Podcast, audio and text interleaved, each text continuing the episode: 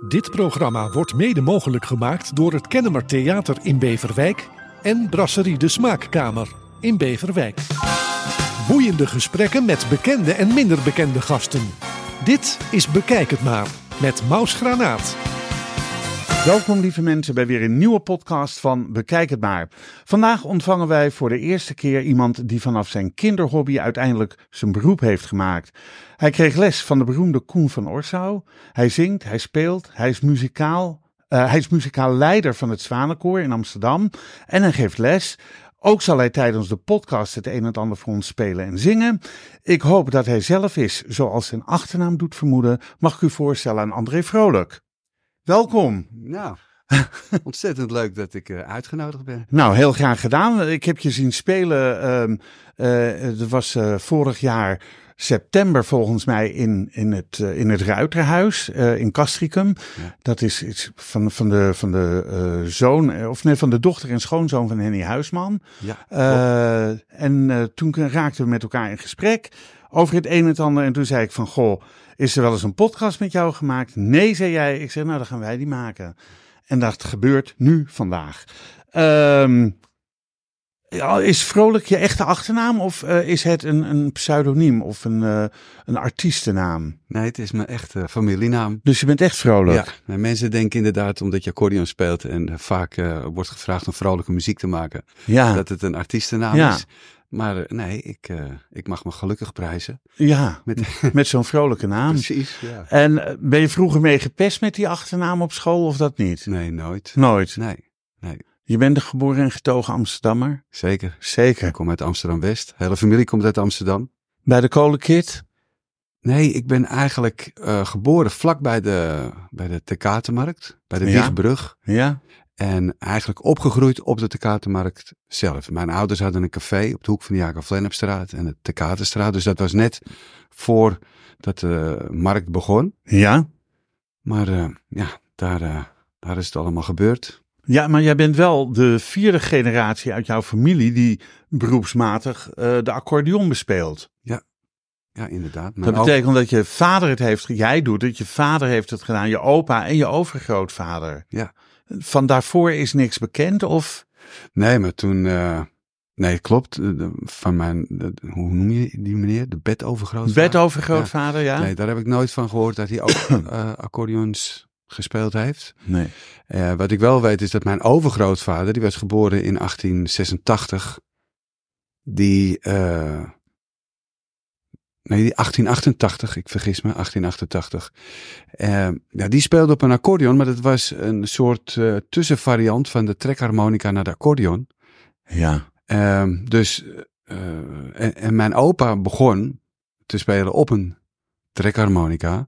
En die is toen op een eh, accordeon gaan spelen. Dus het was ook een beetje het begin van... De overgang van Ja. trekzak naar accordeon. Ja, ja. Wat is het verschil tussen een trekzak en een accordeon? Nou, een trekzak die is eh, beperkter qua toonsoorten en ook qua registers meestal. Is dat zo'n dingetje wat je wel eens bij zo'n clown ziet? Zo'n zeshoekig eh, dingetje met, met alleen aan beide kanten van die knopjes wat je zo in en uittrekt? Nee, Is, dat, is, dat is het niet. nee dat is een concertina.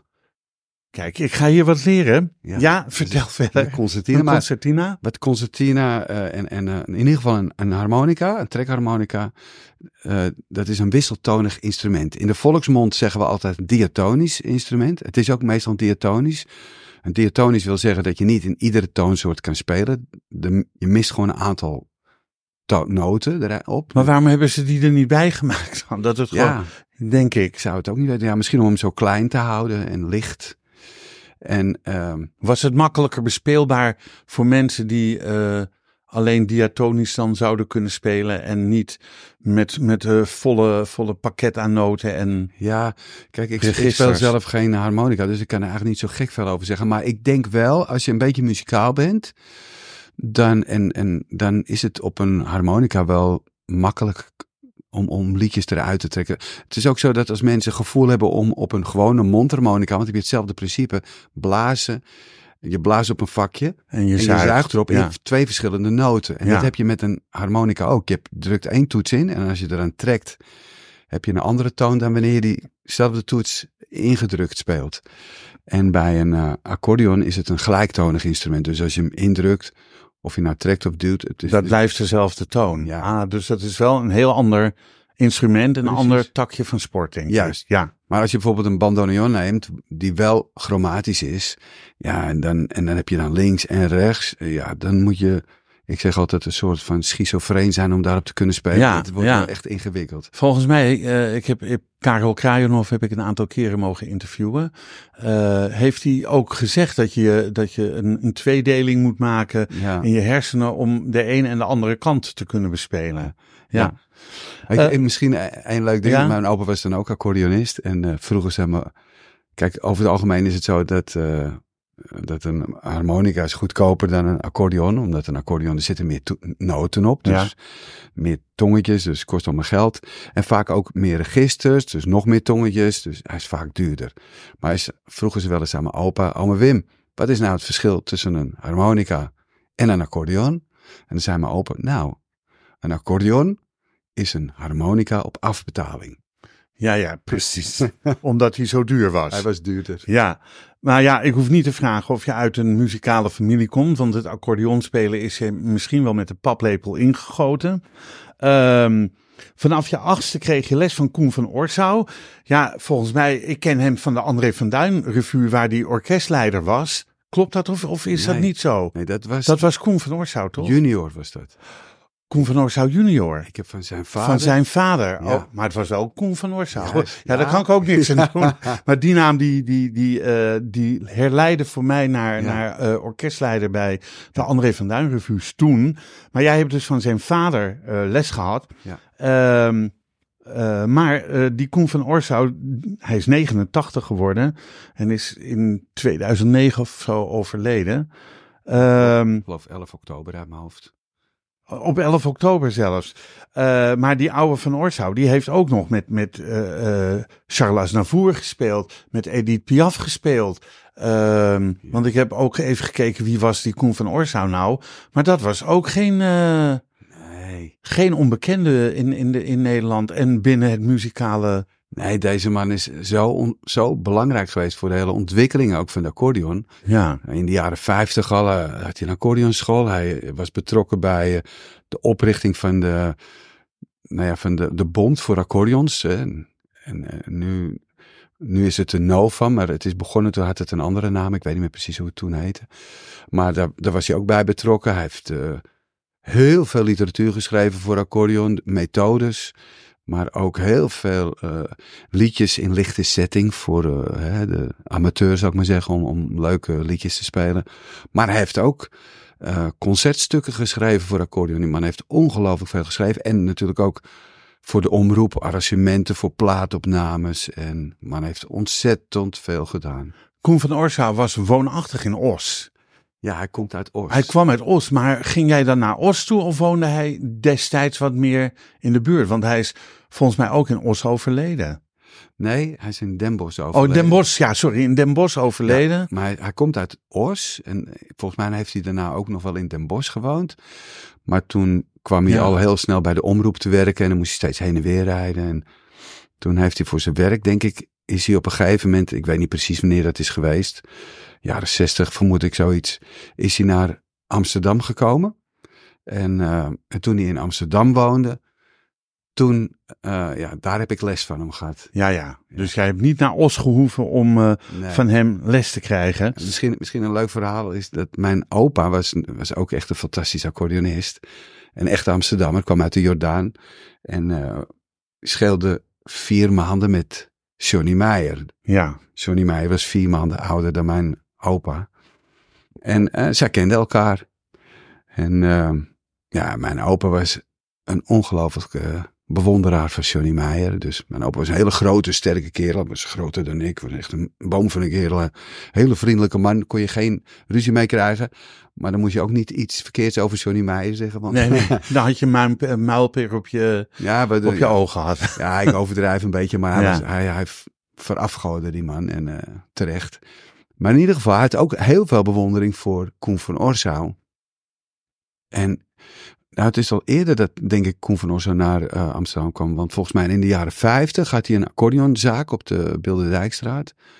En eh, mijn opa die kwam daar wel.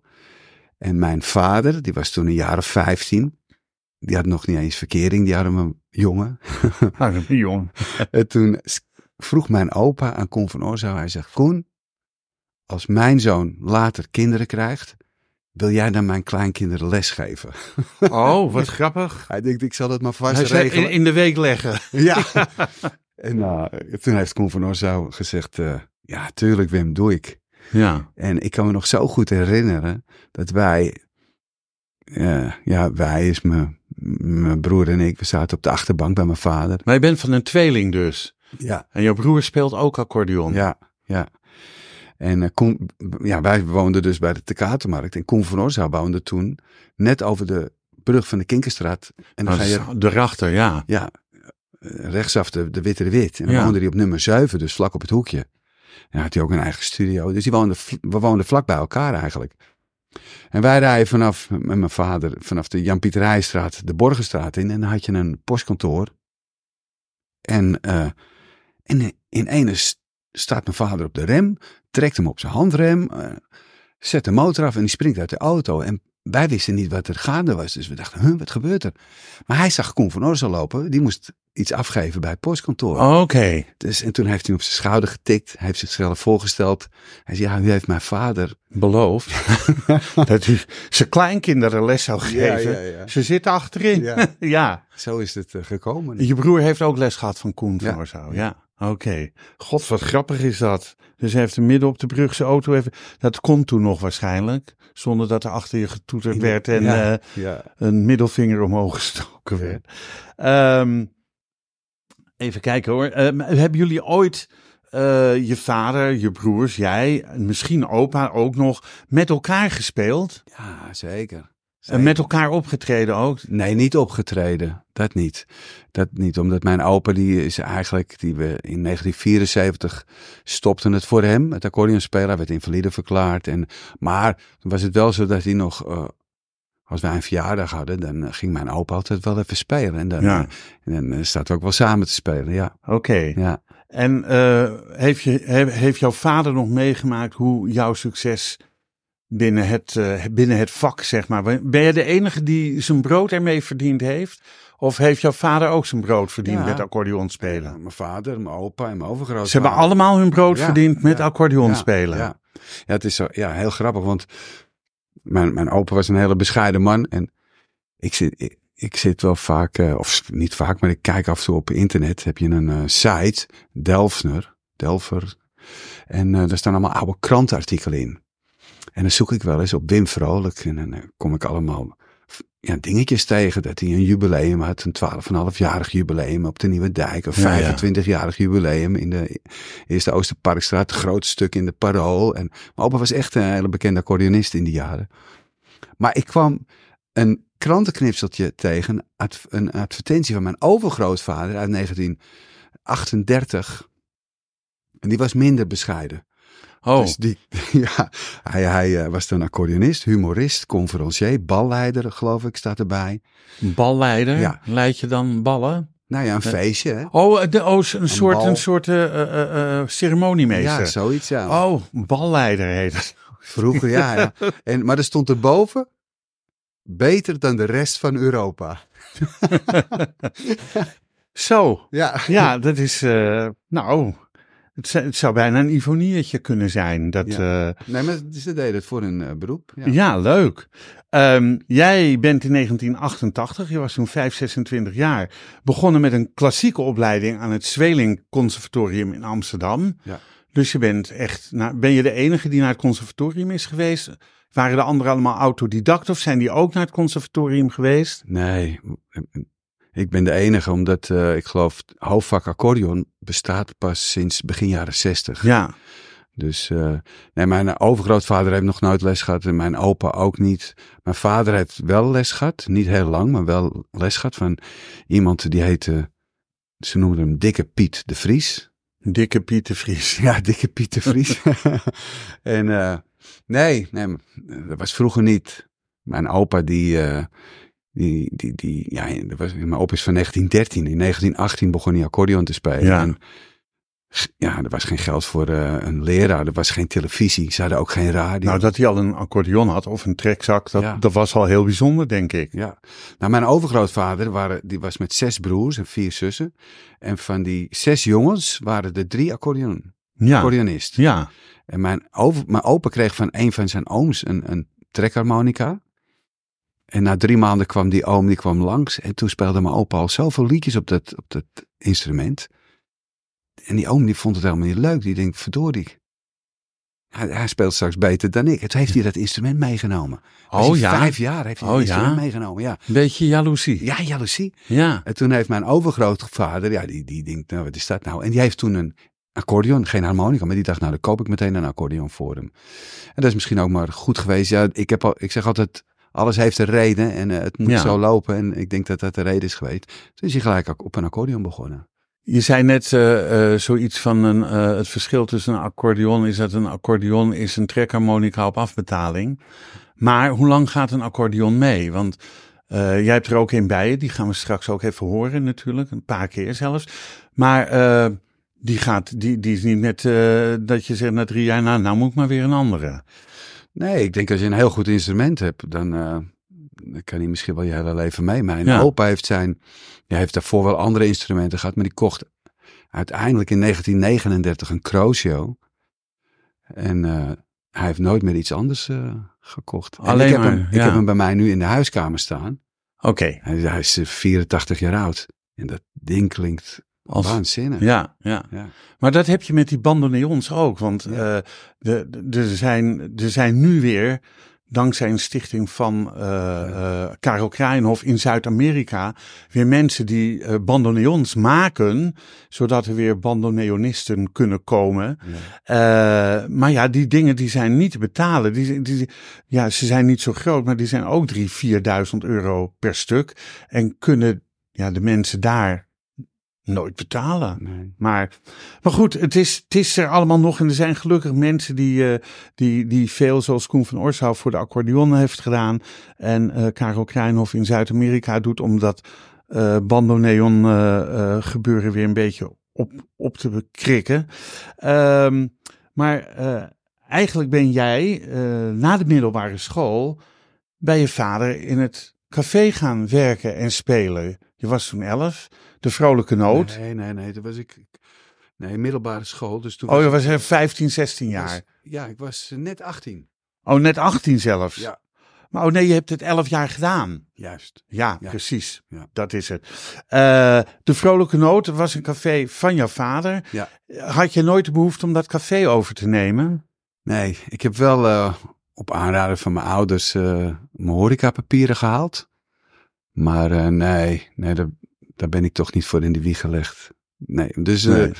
het is eigenlijk ook nooit ter sprake geweest. Toen is op een gegeven Heeft je broer het overgenomen Nee. wellicht? Niemand? Nee, mijn broer was al veel eerder de zaak uit. En nee, niemand heeft het. Mijn vader heeft het, of mijn ouders, die hebben het verkocht. En, maar ze hebben het ook nooit. Maar ik zat toen, ik studeerde toen ook aan het conservatorium. Hè. Ik had toen een hele drukke periode. Ik Ja. bedoel, ik zei toevallig van de, voor de vakantie eh, tegen, tegen mijn kinderen, tegen mijn zoons. En ik zeg, ik had van de week een optreden, hoorde ik iemand zeggen van, eh, nou, ik heb afgelopen week zeven dagen gewerkt. Ik moet nou een paar dagen eh, vrij hebben. Dat was toch helemaal niet? En toen dacht ik, ik heb elf jaar lang bij mijn ouders zeven avonden in de week gespeeld. Ja. En ik had alleen bouwvakvakantie. Eerste kerstdag was ik vrij en eh oudejaarsavond was ik vrij. En ik heb er nooit bij stilgestaan. Maar ik ben natuurlijk ook opgegroeid in zo'n milieu. Ja. Mijn ouders, mijn vader had overdag nog een Ja. autorijschool. Ja. Die- Dat was vijf dagen in de week. En zeven dagen in de week ja, was Dan het zat hij ook nog in het café, ja. Poh. Dus, eh, Nou, maar in ieder geval in die periode dat mijn, ja, mijn vader werd ziekelijk. Dus eh, hij, moest, hij moest de zaak verkopen. Maar ja, ik zat op het conservatorium en ik, eh, ja, het is eigenlijk nooit ter sprake gekomen. Misschien dat mijn vader ook wel zag van, nee, hij moet gewoon lekker muziek gaan maken. Ja, en, ja, ja. Heeft hij nog van jouw successen kunnen genieten, jouw vader? Nou ja, zeker. eh, ik- hij is overleden in eh, april 2000, op, op dezelfde dag als Toon Hermans. Oh ja, ja, ja. Daar ja. hadden we het eh, net over. Net over, ja. Ja. ja. En ehm, Dus ja, hij heeft wel. eh, ja, mijn, mijn Misschien vader. is het toch leuk, ja, zit ik nu even door te denken, om dat verhaal van Toon Hermans dan maar even te vertellen ook. Dat, het is toch heel leuk. Oh ja. Het is eigenlijk wel een leuk verhaal. ja. Ja, Nou ja, ja. ja. Eh, je vrouw die kwam net een fotootje maken van ons. Ja. En die stond te twijfelen: zal ik hem eh, horizontaal de camera houden of verticaal? ja, En eh, ja, toen moest ik aan het verhaal denken van Toon Hermans. Mijn ouders die hadden ons meegenomen naar Carré, naar Toon Hermans. En eh, wij zaten op de tweede rij. En op een gegeven moment, dus dat was ergens, we waren elf, dus dat zal eh, 1973 zijn geweest, denk ik. Ja, misschien zelfs 72 in die koers. En toen ging je op een gegeven moment ging je foto's nemen van de mensen in de zaal. Want hij kon af en toe met niks ook de mensen laten Ja, lachen. Hè? ja. Dat is echt ongelooflijk. Dus hij ging gewoon foto's nemen. Er werd niks gezegd. En, eh, nou, en toen kwam hij bij ons. En toen zag je op de tweede rij twee van die kleine jongetjes zitten. ja. Dus voordat hij die foto nam, vroeg hij: Hoe oud zijn jullie? Dus wij zeggen: Tien jaar. We waren zelfs tien, geloof ik. Tien jaar, meneer. En toen zei hij: eh, Oh, nee, dan neem ik hem verticaal. Dan zijn jullie zo groot, dan neem ik hem verticaal. Ja, ja, ja, leuk. Dat is eigenlijk iets wat je dan altijd bijblijft. Ehm, maar jouw vader is overleden in 2000, Ja. eh, gelijk met Toon Hermans. Is hij oud geworden? Nee, twee, net geen 63. Oh ja, dat is inderdaad wel heel jong. Wij gaan naar die leeftijd toe, hè? Zo'n beetje. ik, ja. ik ben 61. Ja. Dus, eh, Denk je daar dan aan van, goh, mijn vader is maar 63 geworden? Zeker. Ja. En je moeder? Ja, mijn moeder is eh, 3,5 jaar terug overleden. Oh, Redelijk plotseling eigenlijk. En mijn moeder is 84 geworden. ja. Ik dacht altijd dat ze 100 zou worden, maar eh Oh ja, ja. is niet gelukt. Nee. Maar goed, eh zijn vaak bij jouw optredens geweest? Nou, mijn moeder kwam natuurlijk in het café stond ze achter de bar, dus ze, zij heeft me heel vaak gehoord. Maar eh, toen ze het café hebben verkocht, kwam mijn moeder eigenlijk, nou, zelden kwam ze luisteren. En eh, mijn vader ging nog, ik, ik heb daarna nog, met mijn vader had ik een trio. Want mijn vader kon, eh, die speelde dan gitaar Ja. en die speelde accordeon. En mijn vader kon ook heel erg mooi zingen. Dus ik had een trio, dat heette Tintje Mokum. Dat deden we van alles wat, maar dat was wel erg Amsterdams getint. Ja, het heet ook Tintje Mokum. Tintje Mokum. en eh, in ieder geval, dus heb ik met mijn vader heb ik nog wel heel veel gespeeld. Ja, Ja, wat leuk. maar mijn moeder was niet, mijn moeder kwam uit Drenthe, eh, uit Gieten, Ja, een klein dorpje. En ja, mijn moeder die, die stapte, was ook van 1935 en zij, zij liep niet in er eentje een café in binnen. nee. Dus als ik wel eens in een café speelde, wat ik hè, sinds 2008 weer eh, best wel regelmatig doe in Amsterdam. Ja, kwam, mijn moeder is twee keer geweest omdat ik jarig was. Op de dag dat ik jarig was. Ik, Oké. eh, ik weet nog goed dat ik 50 werd, dat ze binnenkwam. En eh, daarna is ze nog een keertje binnen geweest, een paar jaar geleden. Eh, maar verder kwam ze eigenlijk. Nee, het huis niet bijna niet uit of dat? Jawel, mijn moeder hield die allemaal niet in huis. Nee, oh, oh die, die, Nee. die ging lekker de hort op. Mijn moeder kwam uit een heel klein dorpje, Gieten. Maar mijn moeder, die, ik zei altijd, die, die, die maakte iedere dag Amsterdam onveilig met de fiets. Oh, Want Oké. die ging op de fiets naar, naar, naar, naar Waterloopplein en, en de, nou ja, alle, alle markten die er waren in Amsterdam. Die, Eh, die, zou ik het liefst midden in de Jordaan hebben gewoond, want die vond die reuring geweldig. Terwijl ik een echte Amsterdammer ben ja. en ik zou het liefst in een dorpje wonen. Ik vind juist die rust heerlijk. ja, grappig is dat, hè? ja. Ehm, toen de meester van de accordeon, zijn naam is al gevallen, Johnny Meijer, 75 werd, was jij degene die op zijn verjaardag speelde. Nou ja, ik was niet de enige, want er was een groot feest in de. In de jeetje, nou begin ik te twijfelen. Was het nou de meervaart? Of? Ja, ik dacht de meervaart. Ja, meervaart. Dat, is, dat is wel iets wat in mijn achterhoofd Ja, zit. meervaart. Ja, Maar er waren. In Osdorp. Er was een accordeonorkest en er waren andere accordeonisten. Harry Moten was er. eh Koen van Orzouw was er. ja. eh Jitse van Kalsbeek was er. Er was een Duitse. Willy Greef was er. Het Rembrandt-duo? Nee, die was er niet. Oh, die waren er niet? Zusjes van Baanrooy kan ik me nog herinneren. Oh, de zusjes van Wanro. Ja, jeetje. Huis. Ja. Joop Goos volgens mij. Johnny Holshuizen? Nee, die was er ook niet. Nee. Nee, die was er ook niet. Of eh, hoe heette die nou? John Woodhouse eh, John werd die. Woodhouse, ja. Die had wel een artiestennaam dus. ja, ja, ja. ja. Ehm, maar hoe was dat? Lag de druk dan niet heel hoog als je voor zo'n grootheid, zoals je hem net noemde, of zoals jouw vader hem noemde, eh, Als je daarvoor moest spelen. Tuurlijk. Ja. Ja, natuurlijk. dus zat hij op die eerste rij. En ja, dat, eh, dat maakt het niet makkelijker. Want hij speelde ook wel Piazzolla en, eh, en al dat soort. Ja, de- man die kon alles. Ja, kon alles. En eh dat was echt een, echt een fenomeen. Eh, ik bedoel, hij komt uit een tijd... Hij heeft nog wel les gehad, maar hij heeft een, van een pianoleraar les gehad. Hij heeft ook piano gespeeld in het begin. En dat vond hij, wat hij zelf vertelde, ook leuker. Dus hij ging steeds meer achter de piano zitten. En dat vond zijn moeder, een echte Jordaneese, die vond het natuurlijk helemaal niet Dan leuk. gaat accordeon spelen. Ja, harmonica. Ja, ze dan. oh, Ook harmonica. tegen een accordeon zeiden ze in die jaren ook harmonica. Oké. Dus eh, en toen heeft ze op een dag heeft ze een nijptang gepakt. Hij heeft ze gewoon die snaren stuk. Oh, echt waar? Ja. Wat een rotmoeder. Ja, ja, maar ja, goed. Van een piano, een instrument vernielen überhaupt. Ja, Ja, ja, nu hebben we wel de grootheid van Johnny mee kunnen maken. dat wel. Dat is, ja. Nou, eh, eh, samen met contrabassist Henk Bakker heb je het duo Vrolijk opgericht. Ja. Zeg ik dat verkeerd? Nee, toch? Nee. Eh, wat voor duo was dat? Dat, dat was een, eh, nou, meestal akoestisch duo. Dus was contrabas en accordeon. En dan liepen we gewoon langs de tafeltjes of wat dan ook. We speelden van allerlei soorten muziek. Maar we, we traden ook wel op met, eh, met geluid. En eh, nou ja, een drummer erbij of wat dan ook. En dan zongen we tweestemmig. En meestal gezellig repertoire. Ja, gezellig repertoire. Over gezellig repertoire gesproken. Pak hem er even bij. Nou, hij zit goed om, zie ik. Wat ga je zingen, André? Ja, ik, eh, ja, ik heb niks voorbereid. Ik hoorde dat ik dat ga zingen. Ja, nou ja, het vind het wel leuk. Ja, ik vind het leuk om dan een liedje te doen eh, waar ik de muziek van heb geschreven. Ik, de tekst heb ik gekregen van Hans van der Sloot en Klaas van der Veen.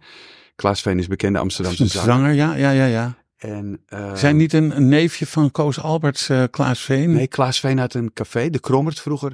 En Oh ja. André Ja. Hazes Ja, is daar begonnen als zingende barkeeper of. DJ, ik weet niet precies. Ja.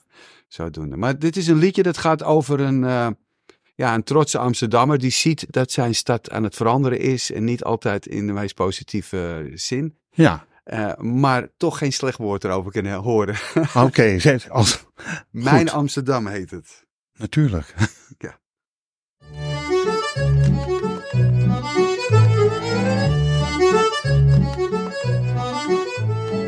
deed voor het eerst mijn ogen open in die stad zo tolerant.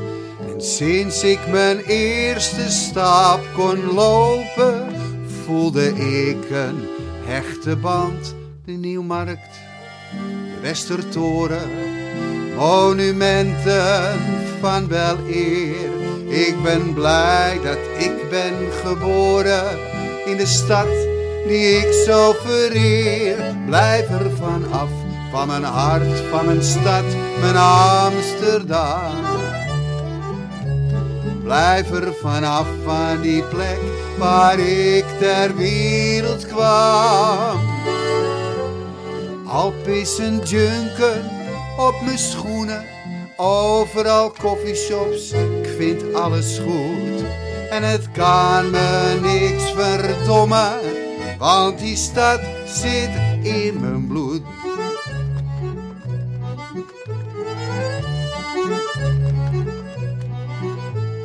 Soms loop ik langs een mooie kade van de Amstel of het IJ. Zie daar nooit meer de schepen laden die daar lagen, zij aan zij. Waar mijn moeder heeft gelopen in haar schone boezelaar. Pink een traan weg uit mijn ogen. In gedachten zie ik haar. Blijf er van af, van mijn hart, van mijn stad, mijn Amsterdam. Blijf er vanaf van die plek waar ik ter wereld kwam. Appies en junken op mijn schoenen, overal coffeeshops, ik vind alles goed. En het kan me niks verdommen, want die stad zit in mijn bloed.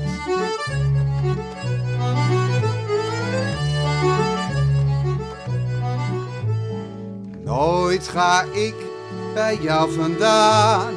Jij bent mijn alles, mijn hele bestaan. Bij mijn afscheid wordt het feest. Ben hier niet voor niets geweest. Iedereen die moet het weten. Liefde die ik had, dat mogen ze nooit vergeten. Liefde voor mijn stad, blijf er vanaf, van mijn hart, van mijn stad, mijn Amsterdam. Blijf er vanaf van die plek waar ik ter wereld kwam. Alp is een junken op mijn schoenen, overal coffeeshops, ik vind alles goed. En het kan me niks verdommen, want die stad zit in mijn bloed. Het kan me niks verdommen, want die stad zit in mijn bloed. Hartje! ja, geweldig. Wat een heer... Dat is toch een heerlijk nummer? Ja, ik vind het een mooi nummer. Waarom draait hij niet op de radio? Ja, ik zal ze eens bellen. Ja, bel ze eens. Ehm, je hebt net het bekende Metropoolorkest gespeeld. Je bent muzikaal-leider van het Amsterdamse Zwanenkoor. Wat voor koor is dat? Ja, dat is een eh, heel gezellig koor. Dat is zeg maar... eh, Van Café de Zwaantjes is ja, dat toch? Ja. Daar is het begonnen eigenlijk. Dus dat waren eh, aanvankelijk allemaal stamgasten van het café. ja, die kwamen daar voor de gezellige muziek. Trouwens, in die jaren werd er ook heel veel klassiek gezongen daar.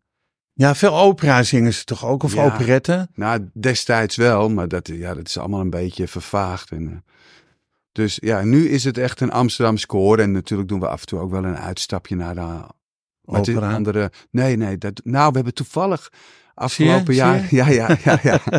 hebben we de, het duet uit de Parelvissers gedaan. Maar eh, ja, een mooi Amsterdamse koor. Eh, ik vind het ontzettend leuk om te doen. Ik, ik vind het heel leuk werken. En eh En hoe vaak in de week repeteren jullie? één keer in de week. Eén keer in de week en veel optredens ook? Bijna iedere week een optreden. Bijna iedere week. Ja, ja. zeg Dat zijn maar- er toch een stuk of 50 per jaar? ja, zeg- 45? Ja, ja, we doen heel veel optredens. We hebben wel, eh, zeg maar, vanaf, eh, nou ja, mei, eind mei, geloof ik, tot en met, eh, zeg maar, vanaf juni tot en met, nou ja, september, tot en met augustus hebben we dan vakantie. Ja. Maar even, even goed hebben we dan ook nog wel eens een enkele keer een, een leuke optreden, wat dan ook. Maar nee, we zijn erg druk. We stonden toevallig afgelopen maandag in, eh, oh nee, nee, nee, dat is alweer een tijdje geleden. Maar nee, we doen hele leuke dingen. Ja, nou leuk. Ehm, maar met dit koor heb je volgens mij ook een cd opgenomen voor mijn mooi Amsterdam. Ja, het koor heeft al, ik geloof, zes cd's opgenomen. Maar allemaal onder leiding van jou? Eh, nee, even kijken hoor, dan moet ik het goed zeggen. Ik denk drie onder leiding van mij en op vijf van de cd's... Dus, daar speel, je wel ja. mee. De eerste twee cd's eh, was ik eh, een van de muzikanten. Dus vanaf 94 of 95 speel ik al mee. En vanaf eind 99 werd ik muzikaal leider. En toen ben ik ook op een gegeven moment ben ik er tien jaar uit geweest. En sinds 2016 eh, ben ik er weer bij. Oké, dus uh, nou ja, goed. Zijn ze blij met je? Ja, ik hoop het wel. Ik je kan een wel. beetje accordeon spelen, dus. Uh. Ja, ja. um, je geeft ook accordeonles. Doe je dat nog steeds of niet meer? Ja, ik geef nog wel les. Ik heb niet veel leerlingen. Dat is, dat is moeilijk. Maar uh, ik, ik heb een paar leerlingen. Ja. Je hebt een paar leerlingen, Ja. maar dat zijn goede. Ik bedoel, um, zit er wel eens een leerling tussen waarvan je denkt: oh mijn god, dat wordt nooit wat. Dat, Ja. dat, die heeft gewoon geen talent. Ja, dat, dat heb je natuurlijk ook. Eh, Dat heb ik wel eens mee. Maar, Maar zeg je dat dan ook? Of zeg je van eh, probeer ja. maar blokfluit te spelen? Ja, ik heb inderdaad één keer heb ik een. eh, ik ben er één keer met iemand gestopt omdat ik echt dacht van, ja, weet je wel, dat, dat gaat hem gewoon echt niet worden. Nee, En ik heb één keer iemand gehad. Ik ga uiteraard geen namen noemen. nee, hoeft niet. En en, eh, Wie was en het? die meneer, en die was hoofd van de school en eh, wiskundeleraar geloof ik, was een intelligente meneer. Ja, En gek van accordeon. En, en ja, die heb ik wel na een paar maanden, of na een jaar, ik weet niet meer precies, want het is al lang geleden. Heb ik hem wel gezegd, ik zeg, ik wil even met je praten, want ik, ik weet dat je er hard aan werkt. En ik, ik, ik weet dat je je best doet, maar de vorderingen blijven zijn een beetje... minimaal. Ja, en ik, ja, ik wil, ik wil het er toch eventjes over hebben, weet je wel. Ja. Dus heb ik het hem uitgelegd. En, eh, maar ja, die man... Dat is wel moeilijk, hè? Als Ja. iemand met zoveel plezier ja. iets doet en jij moet zeggen dat het niks is. Nou ja, ik heb gewoon wel, ik heb gewoon eerlijk verteld dat, dat eh, de vorderingen die hij maakt, ja, niet in verhouding staan eigenlijk met, met eh, Tot de lessen die hij krijgt. ja, en ook de, de, de moeite die hij, die, Die hij ervoor doet. ja, die ervoor doet. eh. Ja. Hij zegt, maar André, ik vind het zo leuk. En hij was ook de, e- de enige leerling waarvan ik, zeg maar, eh, tegen de vakantietijd kreeg ik altijd een, een mooie kaart of een briefje van hem. Waarin hij mij bedankt voor het afgelopen jaar. En waarin hij zijn hoop uitsprak dat ik in het volgend jaar weer een plekje voor hem had, weet je. Oh ja, ja, ja. Ja. Dus hij legde de, de, de hoop voor een nieuwe Ja. lesperiode. Ja, er wel- ik heb wel mensen hoor, die zeggen, André, maar als, als, dan, dan moet je er toch mee stoppen. Dat, eh, ik zeg, nou ja, dat doe ik dus niet. Want als ik, als die man ja, ervan weet, weet je wel, maar het is toch zijn passie. Ja, wie ben ik dan? Oh, hij is niet bij je weggegaan, hij is gebleven. Is gebleven. Tot vandaag de dag. Nee, op een Oh. gegeven moment is hij wel gestopt. Omdat hij werd ook ouder. Maar, maar dan denk ik wel, ja, als iemand dat nou... Ja, daar heb ik dan moeite mee. Dat is hetzelfde. Hè? Ik weet wel, zeg maar, dat was met, met Johnny Meijer. Dat speelde ik bij mijn vader in de zaak. waar eind jaren tachtig. Dus was, liep je al, hè, was, tegen de tachtig liep Johnny ook. En eh, kwamen er wel eens mensen binnen en die zeiden van nou, ik heb Johnny vanmiddag gehoord en eh uh, wij moeten mee stoppen en eh, dit en dat. En daar kon ik zo boos over worden. Ik Ja. zeg, potverdorie, ik zeg, die man heeft 70 jaar de stervende hemel gespeeld. Ja. Je dat soms vergeten? Ja. Ja, Ja. ik zeg, en als, het is de Je man... wordt nog boos, ik zie het aan je. Ja, maar ja, dan denk ik, die man is zijn vrouw verloren. Ja. is- weet je wel. En denk ik, daar haalt hij nog Zijn plezier zijn uit. plezier uit. Ja, Laat hem. zeker. En Ja. als hij zijn dag had, weet je wel, dan was het nog weergaloos, weet je wel. Natuurlijk, eh, niet meer zoals toen hij 50 was, zou ik maar zeggen. Maar eh, ja, ongelooflijk vind ik dat. Eh, André, je hebt meegewerkt aan diverse cd-opnames, radio, tv-programma's. Is er een optreden waarvan je zegt, nou, daar bewaar ik wel een hele dierbare herinnering aan? Nou ja, er zijn, eh, dus- ja, de dierbaar is verschillend. Ik heb, ik heb hele mooie eh, optredens gedaan. eh, die bijzonder waren, vind ik. Om, Ja. om maar mee te mogen werken, dit en dat. En ik, ik, wat nu ook in mijn hoofd schiet, is een opname waar ik, die me dierbaar is, omdat ik gewoon ja, de opname zo goed gelukt vond. Terwijl ik kwam in de studio en ik wist niet wat ik moest doen. Oh, En we gingen daar een opname spelen met, met drie mensen. Met een bassist en met een gitarist zonder drums. En, en nou ja, ik, ik, eh, ik haal mijn accordeon uit, de- uit, uit de hoes. En ik, eh, nou, de lessenaar stond klaar. En ik keek op die bladmuziek en ik zag zoveel nootjes. Ik denk, mijn hemel. Ik denk, nou ja, als het een langzaam tempootje is, dan moet het wel lukken. Dus ik vroeg, jongens, wat is dit eh, voor tempo eigenlijk? Maar het was ook nog een heel hoog tempo. Ik, denk, Ja. nou, ik dacht echt, dit gaat niet lukken. Hè? Ik denk, ik zeg niks. En de, mannen gingen koffie drinken. Ik zei, nee, ik hoef geen koffie.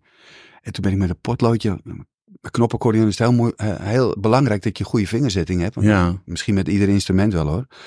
Maar voor mij is dat in ieder geval heel belangrijk. Dus ik ben met een potloodje bij enkele noten even gaan schrijven. Ik moet wel zorgen dat ik daar met mijn wijsvinger sta. Of daar met de... Oh, ja, ja. Ja, En toen hebben we dat. Want het moest in één track ingespeeld worden. Nou, we hebben het misschien wel zes keer gespeeld of zo. En misschien wel acht keer, dat weet ik echt niet meer.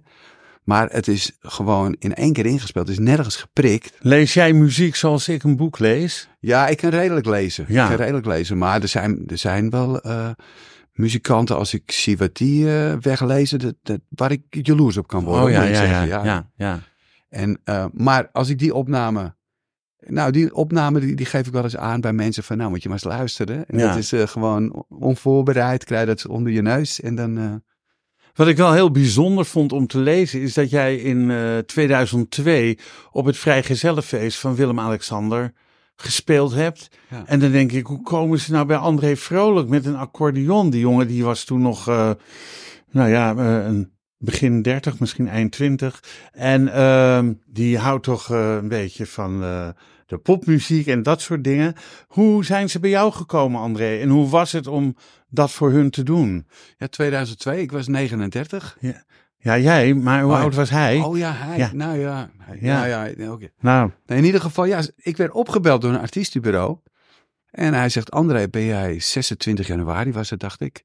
Ja, want 2 februari gingen Ja. ze in het huwelijk treden. 26 Ja. januari. Ik zeg, ja, ik ben vrij. Hij zegt, nou, je kan voor de koninklijke familie spelen. Ik zeg, nou, ik heb voor mindere families gespeeld, dus waarom niet? Ja, en eh, dat was wel grappig. Dus, en toen, en toen zei, vroeg ik, waar is het? Toen zegt hij, in Madurodam. Ik zeg, oh wat grappig. ik zeg, en spelen we binnen of buiten? Hij zegt, binnen. Ik zeg, past het wel? Ja, ja, ja, ik snap hem. Ja. ja. Dus, maar goed, het was heel leuk. Nee, zij wilde, wat ik heel leuk vond, eh, is dat er kwamen allemaal, het was het vrijgezellenfeest, zo werd het aan mij verkocht, maar ze waren, iedereen was aanwezig, de familie was aanwezig, er waren allemaal genodigden uit, de- uit de hele wereld onderhand. Ja, want Nelson Mandela is, is eh, in ieder geval. Ik ben op, op, op het feest geweest in de arena op Ah. een dag voor het huwelijk. Oké. En ehm, daar Mocht ik zaten. weer niet komen, hè? Mocht jij niet Toen komen. mocht ik weer niet Er komen. zaten 56.000 man, of hoeveel kunnen erin? 40.000, ik weet het niet. Oh ja, ik Dat zat helemaal vol. Ja, ja. Loes Luca presenteerde dat. Was, was wel een geweldige. eh, en uit elk dorp, geloof ik, hadden ze zoveel mensen. En ik werkte toen bij de lokale radio. En die vroegen of ik daar belangstelling voor had. Anderen hadden dat blijkbaar niet. Dus ik ben daar naartoe gegaan. Ik heb een geweldige avond gehad, moet ik zeggen. Maar goed. ehm, jij bent daar geweest. En, en, en wat voor muziek speel je dan tijdens eh, zo'n feestje voor de familie? Nou, het leuke is dat ze hadden dus allemaal internationale gasten. Maar ze wilden gewoon dat het echt Hollands was. Mhm. Dus het buffet, alles wat er stond, was stampotjes, zoute haringen. Het was typisch Nederlands. ja. En ik moest daar ook Nederlandse muziek spelen. Eh, Maar ik kon het toch niet nalaten toen Maximaal langsliep om een Argentijnse tango te spelen. Ja, welke tango speelde je? Nou, dat weet ik niet meer. El Choclo of, of La Composita, zoiets was het denk ik. Of, eh, ik weet het niet meer exact. Oké, maar, Maar wel dat, werd wel eh, gewaardeerd. Ja, ja, toen Ja. keek ze wel zo om van, eh, Ja. ja. dat vond ze wel leuk. Ja. Leuk. Eh, heb je daarna ooit nog een keer voor ze mogen spelen? Nou, niet voor ze, maar ik heb ze nog wel een paar keer inderdaad, dus zelfs met ze staan praten. Ja.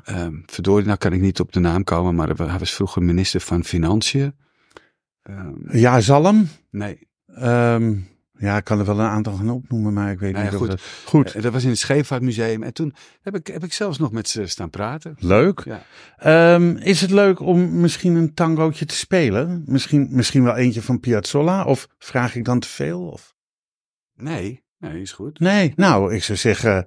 eh, dat is alleen eh, instrumentaal, daar zing je niet bij, denk ik. Of zing je er ook bij? Nee, nee, liever niet. Nee, liever niet. Zal ik er wat bij zingen?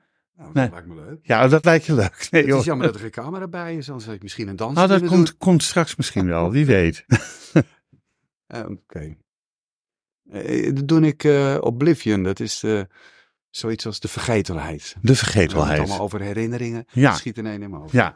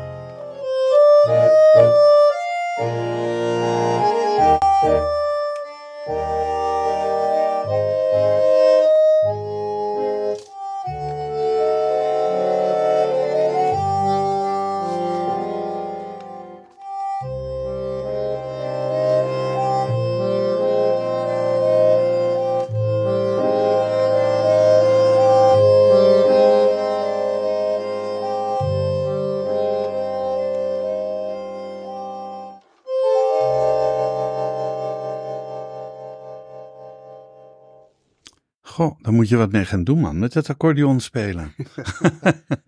Ehm heerlijke tango. Leuk om naar te luisteren. Wel een beetje droevig, hè? Een beetje droevig. Ja, ik voelde, ik voelde bijna de emotie van, van dat wat erin zat.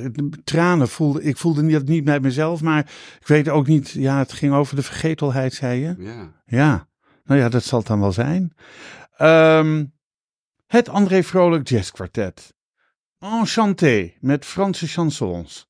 Ehm, Zuid-Amerikaanse tango, net gehoord. En jazzy repertoire. Tintje Mokum, uiteraard met heel veel Amsterdams repertoire. Doe je dat nog allemaal?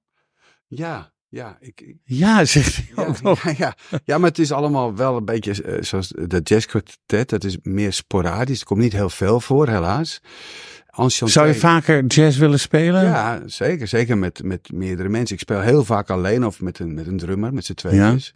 Maar eh, Ja, als je met z'n vieren deelt, eh, eh, speelt, moet je de poet met z'n vieren delen. ja, nou ja, moet je gewoon zorgen dat ik je vier keer zoveel vraag. Ja, kijk, dat is maar, het zakelijke. Ja, Ja, maar en Enchanté, ja, zou ik eigenlijk ook vaker mee willen spelen. Ik hou er heel erg van om Franse chansons te maar spelen. ja, daar past jouw instrument natuurlijk heel erg bij. Ja, Ja, ja. En ik doe dat met een, met een, eh, met een zangeres die fantastisch mooi kan zingen. Eh, ook een hele lieve mevrouw trouwens, Hans Konijn. En eh, ja, dat, dat doen we ook niet zoveel helaas, maar ja, af en toe. ja. En- maar ja, er moet misschien wat, wat meer reclame gemaakt worden. We hebben tegenwoordig natuurlijk de social media op Facebook, op eh, Twitter. X heet dat geloof ik tegenwoordig. Eh, kun je overal, eh, ehm, ehm, Ja, ik ja, ben je, daar niet zo van. Ik heb eigenlijk nog nooit reclame gemaakt of dat soort dingen. Dat doe ik eigenlijk allemaal niet. is dat bescheidenheid of is dat van, ja, moet ik dat nou allemaal doen? Of Nou, ik er manager niet- misschien die, of die dat Ja. voor je doet? Of een, of een Ach, ik, ik, nou ja, ik, ik, het is niet zo, ik doe dat gewoon niet en, en ik sta er nooit bij stil en ik heb er ook geen problemen mee, zou ik maar zeggen. Maar ja, dan lopen de zaken wel zoals ze lopen en misschien dat je het af en toe iets anders zou willen zien. Nou ja. ja. Dus dat, dat zal dan ook wel weer een reden hebben, denk ik dan. Ehm, je speelt eh, eh, ook met Fernand Huard, een Franse chansonnier, ehm, waarmee je op 13 februari 2000 het Concours de la Chanson in de Kleine Comedie in Amsterdam hebt gewonnen. Ehm, ook speel je mee op zijn cd eh Sortie 13. Ja. Ja, uitgang 13, waar moet ik, waar moet ik, dat aan, waar moet ik dan aan denken? Ja, ja dat, dat was in 1999 dat we die CD hebben opgenomen. Fernand is helaas overleden. Oké. eh, begin 2017 is hij overleden. Mhm. Doe ik uit mijn hoofd hoor, maar volgens mij is het wel zo. En ehm, ja, waar Sortie 13 voor staat, dat weet ik eigenlijk niet. Ja, uitgang 13, maar Ja, uitgang 13, maar er was ook geen eh, compositie met die titel. Dus eh, ik weet het niet meer. Oké, Ehm, maar jullie hebben ook samen een theatershow van Philip Freriks begeleid. Ja, Dat is toch ook wel weer bijzonder? ja, dat was ook echt heel leuk om te doen. Ja, Ja? omdat Philip Frederiks, die had, een, die had ooit in Frankrijk, in Parijs waarschijnlijk, in een groot theater, had hij een, een, ehm, een bekende Fransman gezien. Iemand die het the- theater inging, die je niet in het theater zou verwachten. Ja. Dus iedereen dacht, wat gaat hij daar doen? En eh, nou, dat heeft hem op het idee gebracht om zelf ook een keer zo'n programma te maken. Destijds heette het programma bij die Fransman heette Je me souviens, ik herinner mij.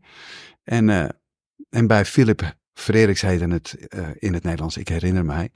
En dat, ja, daar ging hij op een fiets zitten. En had hij geloof ik 270 zinnen. En iedere zin begon met, eh, ik herinner mij. En er kwamen allemaal herinneringen van Philip Frederiks naar boven. ja, ja. En er zaten heel veel muzikale herinneringen bij. En er zaten wij erbij om dat muzikaal te illustreren, zou ik maar zeggen. En zongen, jullie zongen daar ook bij waarschijnlijk? Fernand. Ja, Fernand zong, maar jij zingt toch ook? Nee, maar ik heb dan, eh, ik heb, nee, nee ik, ik voel me eerlijk gezegd ook geen zanger hoor. Ik zing wel. Nou, maar ja, je hebt een leuke stem om, eh, om naar te luisteren. Ja, je lacht je rot. Maar, eh, Echt Nee, een maar- Amsterdamse opmerking, ja. Je lacht je hoor, met die leuke stem. ja. Ja, oké, maar dat was ook, ook weer leuk om te doen. Ehm, ook heb je gespeeld met, zijn naam is eerder gevallen, met het orkest van Danny Malando. Of daar heb je ingespeeld zelfs. Ehm, en meegewerkt aan de CD Ole Tango. Ja. Ja? Ja. Ja. Ehm, je hoort eigenlijk nooit meer wat van, van Danny Malando. Speelt hij nog? Doet hij nog? Ik, ik heb het vermoeden dat Malando wel stilstaat. Maar eh, Danny zelf, die, eh, die is een soort eh, singer-songwriter geworden. Dus hij schrijft liedjes en De muziek. ja, ja, dus hij, hij is wel zeker met de muziek nog bezig, maar wel op een, in een andere hoek, zou ik maar zeggen. Ja, want je had, eh, hij had best wel succes in, eh, met zijn optredens in, in, eh, in de theaters in Nederland. Met zijn, met zijn orkest en, en zijn voorstelling die hij maakte. Ja. Ehm, in 2003 bracht jij de CD Getting Sentimental uit. Ja, Met een beetje voornamelijk jazz standards. ja. Ehm, eh, heb, je, heb je ooit de, behoefte gevoeld om zelf een CD te maken met jazzmuziek? Dat je, dat je de muziek die je zelf schrijft, jazzmuziek, met, met, met een combootje erbij of zo? Nou, ik kijk natuurlijk, het gaat eens door je hoofd. Dat je, ik zou eerlijk gezegd nog wel een keer zo'n cd'tje willen Ja. maken met, met, die, met die mensen ook. Dat was natuurlijk een fa- fantastische groep. Ja, want jij speelde zelf dan accordeon, Frits Landersbergen de vibrafoon, Ja. Martin Oster gitaar, eh, Edwin Corselius contrabas, Jeroen de Rijk percussie en Gijs Dijkhuizen drums. Ja, dat was het. Dat was het. Ja, fantastisch natuurlijk. Dus ja, daar denk je wel eens aan. Dat zou ik nog wel een keertje willen Ja. doen. Maar niet eigen composities. Ik heb dan wel zoiets van... eh, ik denk niet dat ik een mooiere jazzcompositie kan schrijven... dan al die mooie stukken die er al zijn. Maar ja, ik, je hebt ook eh, een aantal tango's geschreven die je in, in het voorgesprek hebt laten horen. Waarvan Ja. ik denk, ja, dat, ik vind het mooi klinken. Ook, ook, ook, daar heb je er zowel de tekst als de muziek van gemaakt. Ja, ja. Dat ik denk van, nou ja, misschien een beetje droevig, maar wel hartstikke mooi. ja het is, het is, ik bedoel, de zangeres zonder naam zong ook nooit vrolijke nummers. nee, Behalve. Mexico, geloof ik. Ja, ik werd toen gevraagd om twee tango's te schrijven in de stijl van Malando. En eh, Ja, ja, toen heb ik dat wel gedaan, ja. ja, Nou ja, misschien zou ik het wel doen. Nou ja, ja.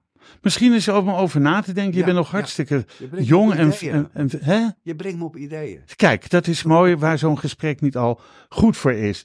Ehm, binnenkort, eh, be- waar ben je binnenkort ook publiekelijk te zien? Dan praat ik over eh, februari, maart, april dit jaar. Eh, nou ja, Of- in ieder of- geval in maart, wat wij altijd doen met het Zwanenkoor, dat, daar hadden we het net al over. Ja. Dan staan we in de Rode Hoed, dan geven we vijf concerten. Vijf concerten in maart in de Rode Ja. Hoed. Dus dat is wat ik eh, nu al weet, Ja, wat, eh, wat er gaat gebeuren. En verder, eh, geen idee. Ik, ik, ik, ik hoop en een beetje op dat de toppers me weer bellen. Dan speel ik vanaf ja daar heb je ook 2006. mee gespeeld. Ja, Ja. ja, ja. Die bellen altijd vrij laat op, zou ik maar zeggen. Dus, eh, dus ik hoop dat ze me weer bellen. Want het is ook altijd ongelooflijk leuk om te doen. Ja. En het is altijd met geweldige muzikanten spelen. Leuk. Ehm, maar verder heb ik niet... er schiet er nu niks in mijn hoofd dat ik denk, nou, dat is... eh, Zullen we ter afsluiting van het interview nog één nummertje doen? Iets leuk uptempo nummertje? Een lekkere dijenkletser? een dijenkletser. Met zang en speel. Met zang. Met zang, ja. Gaan we doen.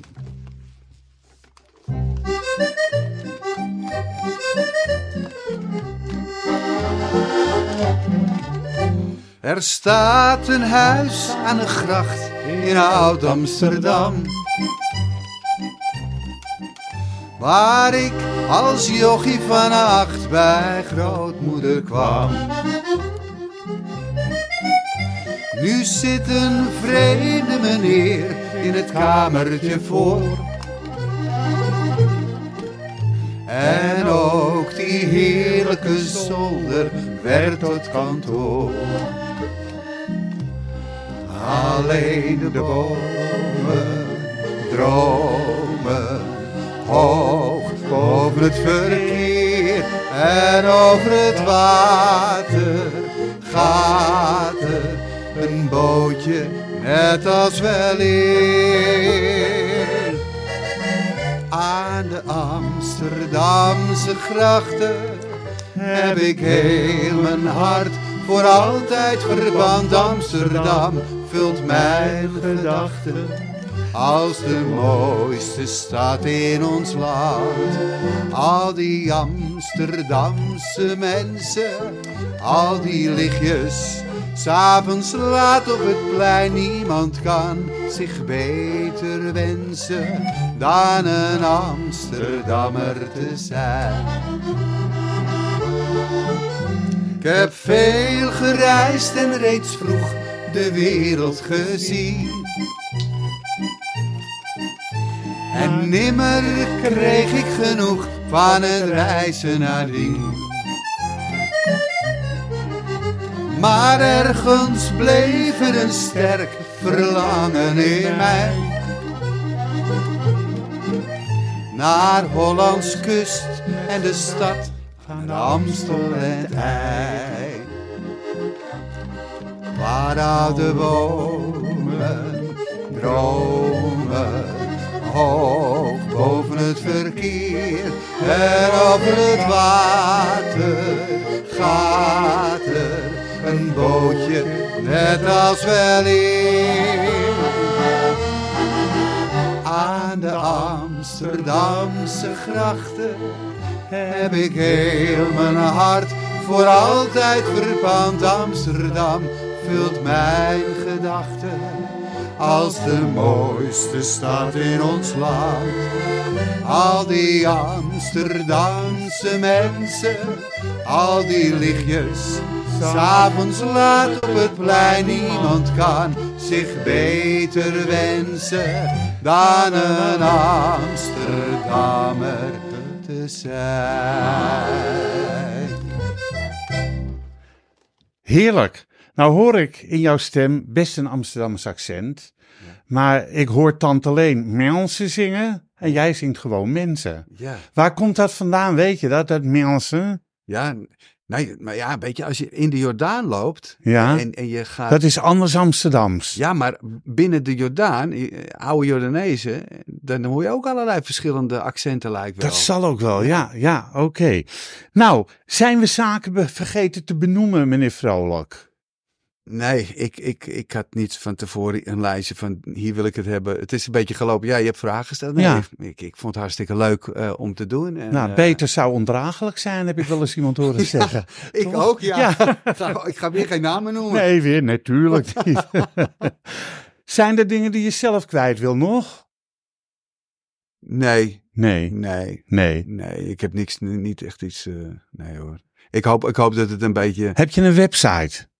Nou, die wil ik niet recommenderen, want die, die heb ik sinds 2003 toen ik die CD maakte. Toen dacht ik, nou moet ik ook een website hebben. Ja, er is niks meer aan gedaan, hè? Ik heb er ook gekeken, maar het is een schamel websiteje. Ja, maar het ergste is nog dat de de informa- informatie die erop staat, die klopt ook niet meer. Dus als je me wil bereiken, die nummers kloppen niet meer. Ik ben verhuisd en Oh, dan moet, er, dan moet toch even wat aan gedaan worden, André. Ja, ja, ik schaam me diep. nee, doe Ah. dat. Maar eh, ga er na dit gesprek gewoon wat aan doen.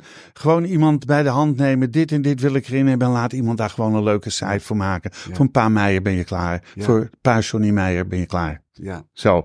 ja. Ehm, ken, ken je die, ken, ken je die mop van die muzikant die bij de huisarts komt? nee. En hij zegt, huisarts, hij zegt, ik weet niet wat ik heb, maar de- ik voel me de laatste tijd zo ziek. Ik heb het gevoel dat ik dood ga. Nou, zegt hij, dat klinkt niet goed. We gaan mijn bloed afnemen, gaan wat dingetjes doen. Laat ik onderzoeken. Nou, gedaan. Hij zegt, komt u volgende week terug, dan heb ik de uitslag. Nou, komt, volgende week komt hij terug. Nou, zegt die dokter, bent u wat wijzer geworden? Hij zegt, ja, eerlijk gezegd ben ik wel wat wijzer geworden. Eh, het is geen goed nieuws. U hebt gelijk gehad.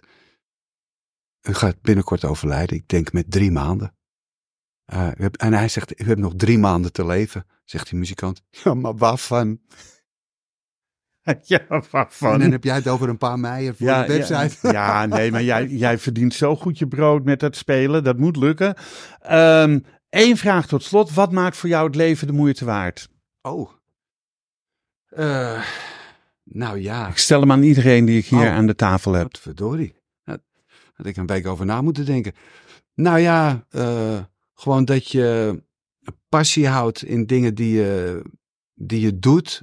Of eh, waar je mee omgaat. Hè, in mijn werk, in mijn muziek haal ik natuurlijk heel veel eh, eh, levensvreugde uit. Maar natuurlijk ook mijn kinderen en mijn kleinkinderen inmiddels. En eh, ja, dat soort zaken, denk ik. Ja, dat soort zaken. Dat maakt voor jou het leven de moeite waard. Dan wil ik jou, André Vrolijk, enorm bedanken voor je komst hier naartoe. Uh, deze podcast wordt uitgegeven door Roots Podcast Productions. Uh, heel veel dank voor het luisteren en wat mij betreft heel graag tot de volgende podcast. Dit programma werd mede mogelijk gemaakt door het Kennemer Theater in Beverwijk en Brasserie de Smaakkamer in Beverwijk.